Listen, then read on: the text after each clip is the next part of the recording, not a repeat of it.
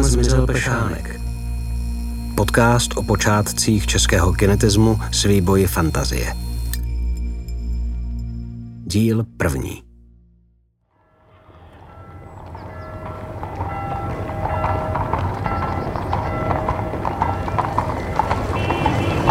Dobrý večer, hlásí se Praha.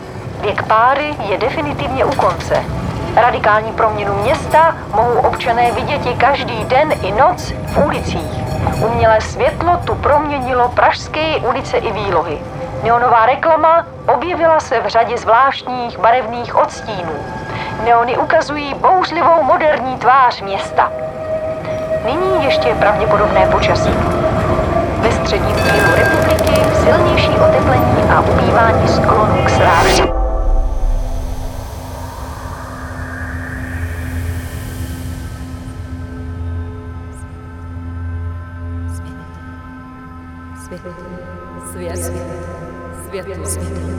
světlo, světluška, světice, světobol, světa, světák, svět. Náš příběh začíná ve městě, v Praze 21. století. V budově Paláce Lažanských na Smetanově nábřeží, kde se nachází FAMu. Její součástí je pochopitelně knihovna. V regálu ve třetí řadě nalevo najdeme pod písmenem P pět výtisků útlé publikace Kinetismus z roku 1941. Jeden exemplář dnes možná promluví i do vašich životů. Právě teď se k němu blíží naše hlavní hrdinka Anna Tichá. Studentka třetího ročníku zvukové tvorby dostala zadání seminární práce, ke které nezbytně potřebuje vzít do ruky knihu Kinetismus od Zdeňka Pešánka –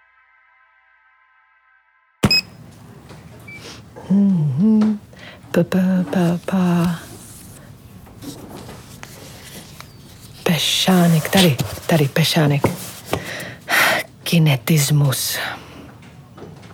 Kinetika ve výtvarnictví, barevná hudba. Začíná to teda dobře. Kapitola otázek. A dál tu máme od impresionismu ke kinetismu, film, reflektorické hry, barevný klavír, světelná reklama, světelná kinetika v prostoru, světelně kinetická fontána, světelně kinetická plastika, iluminace architektury a na závěr kapitola k sociální funkci kinetismu. Hm, tak možná to nakonec bude zábavná seminárka.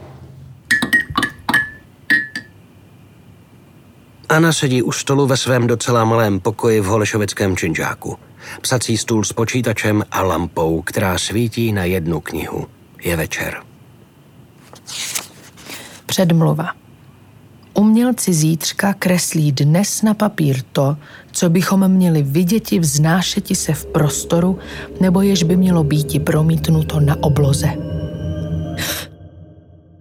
Anna má pocit, že ve svém pokoji není sama. Ohledne se. Nic. Vrátí se ke čtení. Úvod.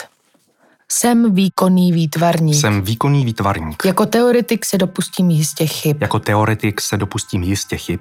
Bude třeba s nimi počítat do té doby, dokud naši teoretikové z profese, bojující z 99% o včerejšek, nenajdou poměr k budoucnosti. Snažím se, aby převládaly kladné vlastnosti tohoto malého dílka. Nutnost vědeckého výkladu bude ale stěžována ohledem na nejširší okruh čtenářstva. Ten je bohužel bez speciálního zájmu. Základem spisku je rukopis, který v roce 1924 až 27 nenašel nakladatele. Což tedy dodnes nechápu proč. To, že jsem se vrátil k tomuto úkolu více než po 15 letech, bylo způsobeno tím, že jsem vyzkoušel nosnost teorie i prakticky. Nedovedete si představit, kolik to bylo práce, abych všechno pěkně zapojil a rozsvítil. Bližší styk s uměleckým průmyslem mi potvrdil možnost existence nových technik i v této oblasti. No a jsem přesvědčen, že právě umělecký průmysl může být v příštích letech tím nejskvělejším vývozním artiklem. Teda to je psané šroubovaně. Ale to je vlastně něco jako dnešní design. Umění považuji za základnu uměleckého průmyslu. A tato knížka je psaná ve znamení boje o nové, Nové umění. jak asi takový boj o nové umění vypadal v praxi. Anna se zasní a představuje si mladého pešánka, jak stojí před publikem v přednáškové místnosti. Eh, dobrý den, moje jméno je Zdeněk Pešánek a vítám vás tady v nových přednáškových prostorách světelné poradny elektrických závodů v bývalé hydrocentrále na Těšnově. Tak, doufám, že jste si prohlédli všechny světelné novinky tady v laboratoři. Tak co vás zaujalo? Tak, dnes tedy otevíráme přednáškový a studijní kurz o světle a jeho upotřebení. Studiem trpkých údělů všech géniů, kteří připravovali století elektřiny, nabil můj poměr k práci opravdové vřelosti. Musíme myšlenky těchto géniů rozvíjet a tak můžeme proměňovat současný svět. Víte, umělé i denní světlo souvisí úzce s novodobým pojetím architektury a proto jsem rád, že tady vidím tolik profesionálů z této oblasti. Dnešní přednášku otevřeme otázkou, jak můžeme uvažovat o světelných a kinetických objektech ve vztahu té architektuře. Světlo chápeme jako optický prvek, který rozkládá tvary a barvy, jako nositel subjektivních pocitů, nálad a stavů umělce, nebo dokonce jako prostředkovatel hlubších symbolických a významů. Tma. Ani nosnění se rozplynulo. Pojistky v jejím bytě vypadly. Tento týden už po třetí. Krucinál zas to vypadlo. Proč to furt vypadává? Kde to, kde to... Tady. Co je, sakra? V čem je problém? Dobrý. Anna se vrací ke stolu. Lampa už zase osvětluje knihu, která zůstala otevřená. Pešánkova slova ji přitahují. Má pocit, že čte i mezi řádky. Jakoby důvěrně znala toho, kdo je psal. Kapitola pátá. Barevný klavír. Vyvolání obrazu závisí na stisknutí kláves, pod nimi jsou kontakty, takže můžeme rychle a libovolně měnit vyvolané světelné obrazy. No jasně, barevná hudba. Funguje to jak pro klaviaturu varhán, klavíru, psacího stroje. Ono je vlastně lhostejno, jak se takový aparát jmenuje. To už je stará myšlenka z 18. století. Ona hudba totiž může být barevná. To je fascinující, že? V Americe byl podobný vynález pojmenován klavirlux. Objevil se i kolorograf nebo kinoptofon. A já svému barevnému klavírku říkám spektrofon. Postupně jsem si ho vylepšoval, vytvořil jsem celkem tři prototypy. Ale kde je jim konec? A vy jste ho měl doma? Tak to je hezké, že vás to zajímá. Ano, měl. Spektrofon. To byl pro mě něco jako pomocník při komponování výtvarných kinetických jevů. Komponování? Právě teď a tady přeskočila nenápadná jiskra mezi Aniným a Pešánkovým osudem. Takže vy jste si ty vaše výtvarné nápady uměl zapsat i do not a pak si je rovnou přehrát na tom vašem vynálezu. Ano, on mi pomáhal myslet, tvořit, propojovat zvuk a světelné jevy. Používal jsem ho asi tak, jako skladatel používá klavír nebo harmonium. A jak přesně to fungovalo? Já jsem z těch nákresů toho moc nepochopila totiž. No, e, tak představte si. 12 kláves stupnice mm-hmm. bylo zapojeno na stupnici spektra o 12 tónech. Jo. 12 a 12. Stupnice za stupnicí byla vždy jasnější mm-hmm. a na druhé straně byla stupnice za stupnicí vždy temnější. Anna skicuje do deníku obrazce podobné těm, které promítal v barevný klavír. A je vůbec někde něco z jeho děl k vidění? Třeba ten klavír?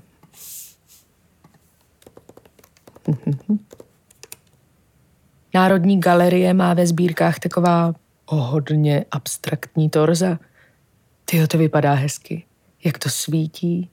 A tohle to je neonová trubice? A soubor modelů nějakých prapodivných plastik? Co to je? Jak je to asi velké? V týdnu se Anna vypraví na prohlídku pešánkových děl. Ve výstavní síni bez povšimnutí míjí všechny ostatní exponáty. má jasný cíl. Míří přímo k několika málo dochovaným dílům tohoto tajuplného kinetika. Mužské a ženské torzo 1936. Vertikální kompozice dvou spojených průsvitných tors z umělé pryskyřice skombinované s řadou barevných žárovek a zakřivenou neonovou trubicí. Hm. Odhmotněné lidské tělo, pulzující světelným životem. Její pozornosti neujdou ani modely světelně kinetických plastik 100 let elektřiny pro Zengrovu transformační stanici v Praze. Co to slepil dohromady? Tady jsou e, dráty, to je asi sádra, a zase ten neon. Tady je ruka, nějaký graf. To vypadá prostě jako čtyři štíhlé abstraktní totemy. Anna nemůže úplně sformulovat dojem z pešánkových děl. Neví, že jde jen o zlomek vesmíru, který se rozpínal v hlavě avantgardního umělce. Když narazí na tlustou monografii, kterou k Pešánkově výstavě v 90. letech připravil Jiří Zemánek, zjistí, že se potřebuje s někým poradit, jak do umělcova příběhu vstoupit. Požádá Zemánka e-mailem o konzultaci. Snad brzo odpoví. Mezitím hledá další stopu. Jak rozumět dílu Zdeňka Pešánka dnes? To je zadání pro seminárku. Fakt, tyjo.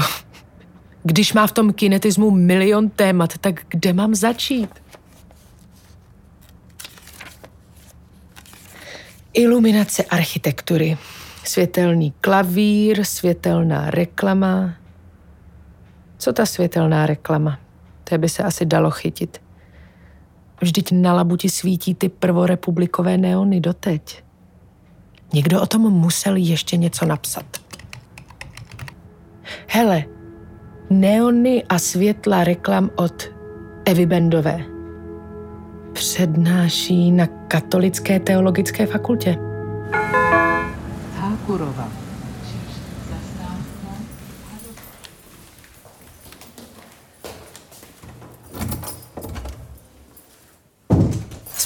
Eva Bendová je historička umění. Zajímá se o mezioborové a sociální aspekty umění. Sleduje současnou grafiku, kavárenskou kulturu a aviatiku. Je autorkou mnoha výstav a knih. V roce 2018 vydala publikaci Neony a světla reklam. Jak vlastně vypadala Praha, když Pešánek psal kinetismus? Jak vypadala třeba místa, kudy chodil, nebo kde pracoval? Tak eh, Praha v polovině 20. let, eh, do které eh, Zdeněk Pešánek přišel, se začala stávat takým dynamickým městem, začala se rozvíjet tak, jak tedy píšu v té knize Neony a světla reklam, světelná reklama a vůbec takové jako osvětlení městských ulic, toho veřejného prostoru, v kterém se obyvatelé Pražané pohybovali, tak vlastně ty ulice začaly dostat úplně novou dynamiku a to přes světlo a i přes jako dopravu. A to město se začalo stávat takovou schrumáží zvuků, světel, které inspirovaly avantgardní umělce, hlavně tady kolem devět silu. A začaly inspirovat i režiséry, kteří na konci 20.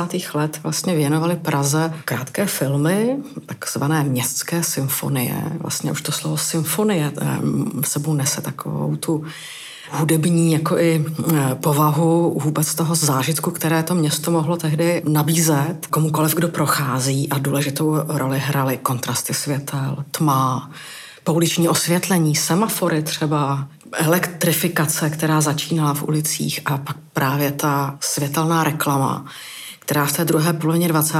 let začínala nabývat na pohybu. To je vlastně prostředí, v kterém se Zdeněk Pešánek pohyboval v tom úplně běžném životě, když už jenom Prahu procházel a měl hluboký smysl pro objemové celky, plastické, hmotné, které se projevovaly eh, tím různým souzvukem a prolínáním tvarů, zvuku, světla. Vlastně ty úplně jako první stopy této jeho inspiraci vedou zpátky do jeho rodného města, do, do Kutné hory. Tak toho asi musel nějak inspirovat i chrám svaté Barbory, že? V tom chrámu to je vždycky jako určitá rovina nějaké spirituality a teď se vám najednou jako metafora dostává do toho každodenního prožitku města, kde to město vlastně dostává taky takový jako nový moderní spirituální náboj. Jo, ale přece jenom to odlišovali. Ten dynamický život v tom uh, chrámu nebyl ten dynamický impuls. Jo. Ten rytmus, o kterém i ten Pešánek potom píše, tak uh, to rozhodně je součástí až veřejného prostoru města. Mm. Takže si to vlastně můžu představit, že se ta elektřina tenkrát vlila do města i do jeho soch jako krev. Hmm, to město žije a pulzuje novou energií a tu energii tomu město dodává elektřina a světlo a výbojky a neony. Jo, pulzuje novou energií, novou dynamikou. Hmm. Z téhle doby nám asi moc věcí po Pešánkovi nezbylo, že? Těch stop, jako jak vlastně on přemýšlel a jaká byla realita, je tak málo. A paradoxně v té světelné reklamě vlastně žádná jeho realizace už neexistuje. V Léblovu domu na Václavském náměstí se dochovaly nádherné, nádherné pastely, jako barevné kresby, to je takový jako hodně autentický projev, ten první záznam, ale jsou to kresby sochaře inženýra, Není to nějaký jako expresivní prvotní záznam, prostě jako nějaké ideje, emoce, takhle ne. Je to hodně promyšlená racionální kresba, která hodně konkretizuje tvar, měl hodně architektonickou představu, věděl přesně, jak chce použít světlo. Některých těch objektů pak to jako rozváděl do větších a větších měřítek. Jo. Toto to megalomanské měřítko některých těch návrhů, to taky jako docela zarážející. No. Vlastně ta jeho eh, tvorba, to jeho myšlení bylo na svoji dobu tak jako neuvěřitelně nadčasové, vlastně hrozně komplexní a tím, jak se zachovaly fragmenty, tak nás to pořád budí zvědavost. Já jsem se Pešánka vždycky bála. Vůbec i toho uh, zkusit se podívat na to, jak to vlastně ve skutečnosti myslel. Je to na jednu stranu výzva, na jednu stranu úplně jako marná, uh, marná snaha. Ale uh, vždycky budu zdůrazňovat, že to není jenom uh, o té expanzi moderně, technologiích, ale ty, určitý poetičnosti každodenního života, že to tam jako je u něj vždycky důležitý. Takový jako útok na to naše smyslové vnímání, nebo to, to smyslové vnímání tehdejšího člověka. A zároveň je to tak jako myšlenkově bohatý.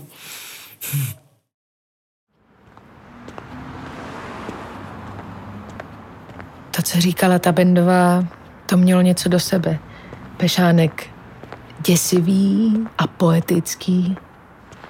Ale přitom ten kinetismus, jak kdyby psal spíš Pešánek urputný, bojující.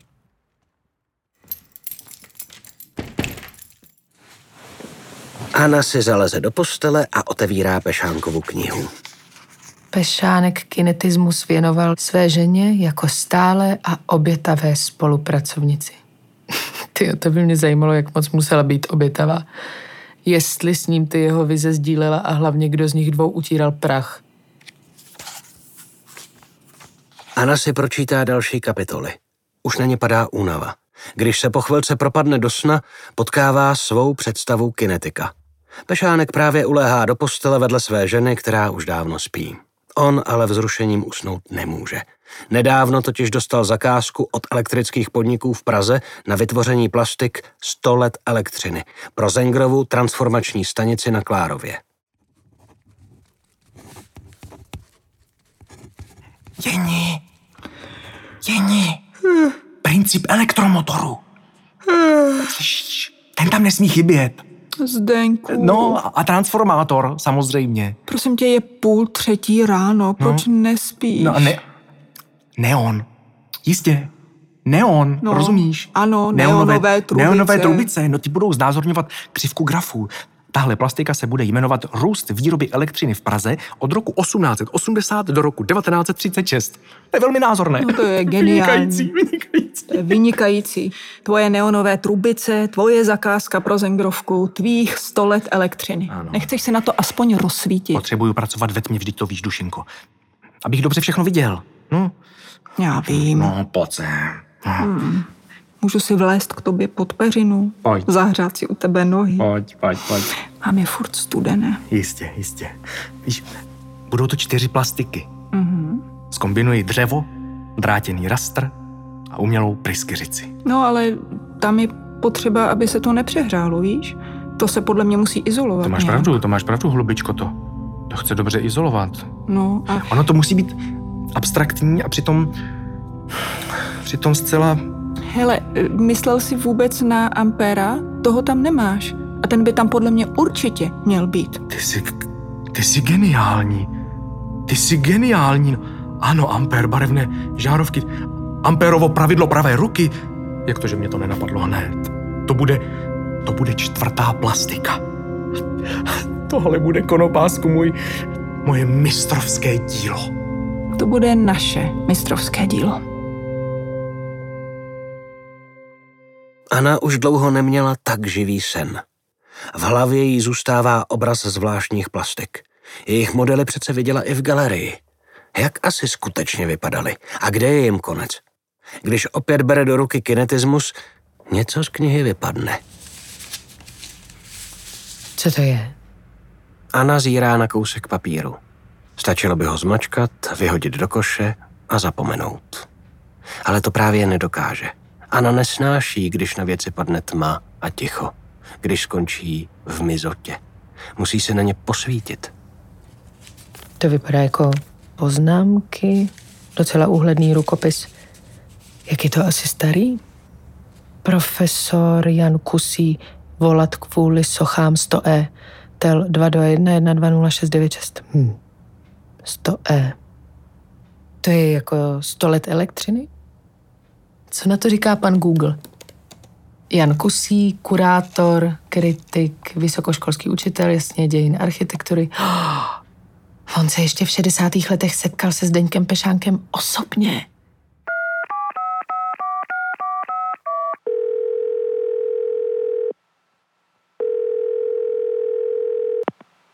Halo? Dobrý den, tady Anna Tichá. Já se moc omlouvám, že vás ruším, pane profesore. Já jsem našla na vás kontakt, když jsem studovala Zdeňka Pešánka. A proč vás to zajímá? Dělám o něm seminárku na FAMu. Pane profesore? Halo? No tak přijďte ke mně domů, já už nikam nechodím.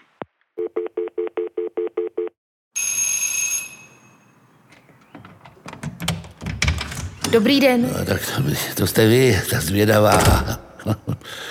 Tichá, ale zvědavá, no. Nezobejte se, tak... Tyjo, tak tady je to knihama snad zajímá? vytapetovaný.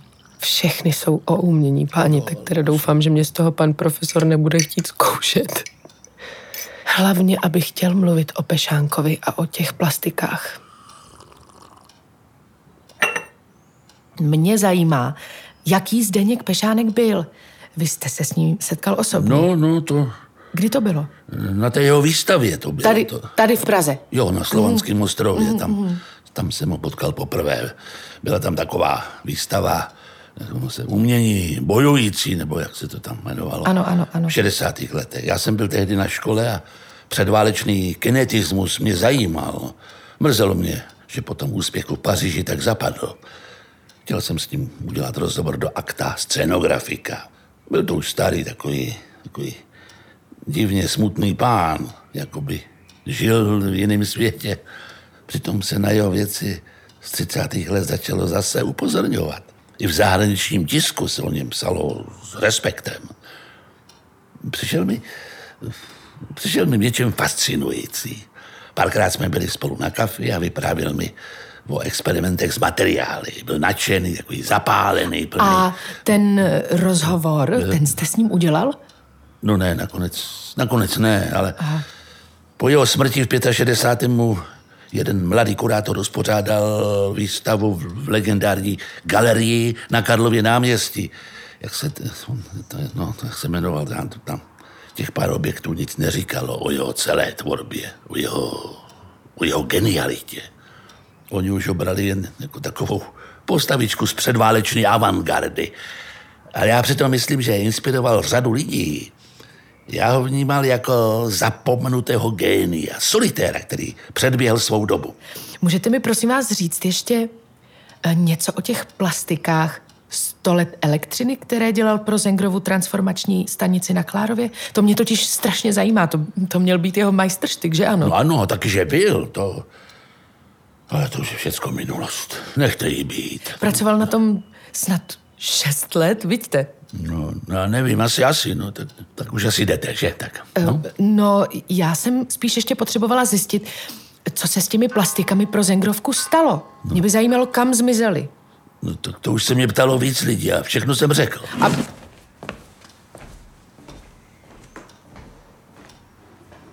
Nic se nepamatuju, to už je strašně dávno a v tom sklepě jsem navíc nikdy nebyl. Eh, v jakém sklepě, pane profesore? Promiňte, musím si vzít prášky. Promiňte, já jsem myslela, že mohl byste mi prosím říct, o jakém sklepě to mluvíte? A já si nevzpomínám. Nevím, co se s nimi stalo. Zdeněk mi taky neřekl všechno, že tak... On věděl, kam zmizeli, pane profesore? Jo, jo, jo, teda ne, vlastně ne, nevěděl. Prosím vás, už běžte, musím ne, si prosím. lehnout. Ne, ne, není mi dobře. Já bych jenom... Anna stojí na chodbě před dveřmi bytu profesora Kusého a přehrává si, co se stalo. Ve vzduchu je pořád cítit napětí, které vyvolala její otázka ohledně plastik 100 let elektřiny. Příběh Zdeňka Pešánka je plný bílých míst. A Anna má pocit, že se jí jeho podivný osud nějak týká. Prostě musí pokračovat v pátrání a zjistit, proč se jeho vize, sny a myšlenky i sochy propadly do mizoty. Kusemu už jsem se nedovolala, ale nevadí. Já cítím, že v tom Pešánkově příběhu je něco zvláštního, co člověka přitahuje.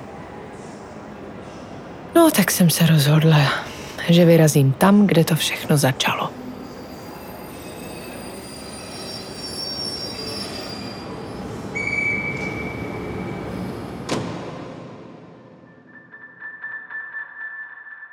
Slyšeli jste první díl audiopomníku? Na jehož pomyslném podstavci stojí napsáno Zdeněk Pešánek, český průkopník kinetismu, vizionář, utopista, dobrodruh. Mířil daleko za horizont, ale skončil jako zapomenutý snivec. Jak je možné, že se tak originální tvůrce nezapsal do dějin? Otázka, která nedá spát naší hlavní hrdince Aně a která bude už brzo pronásledovat i vás. Pustte se další epizodu. Jiskra vašeho zájmu, plamen vaší zvědavosti, to je ta největší podsta pro každého pešánka v nás.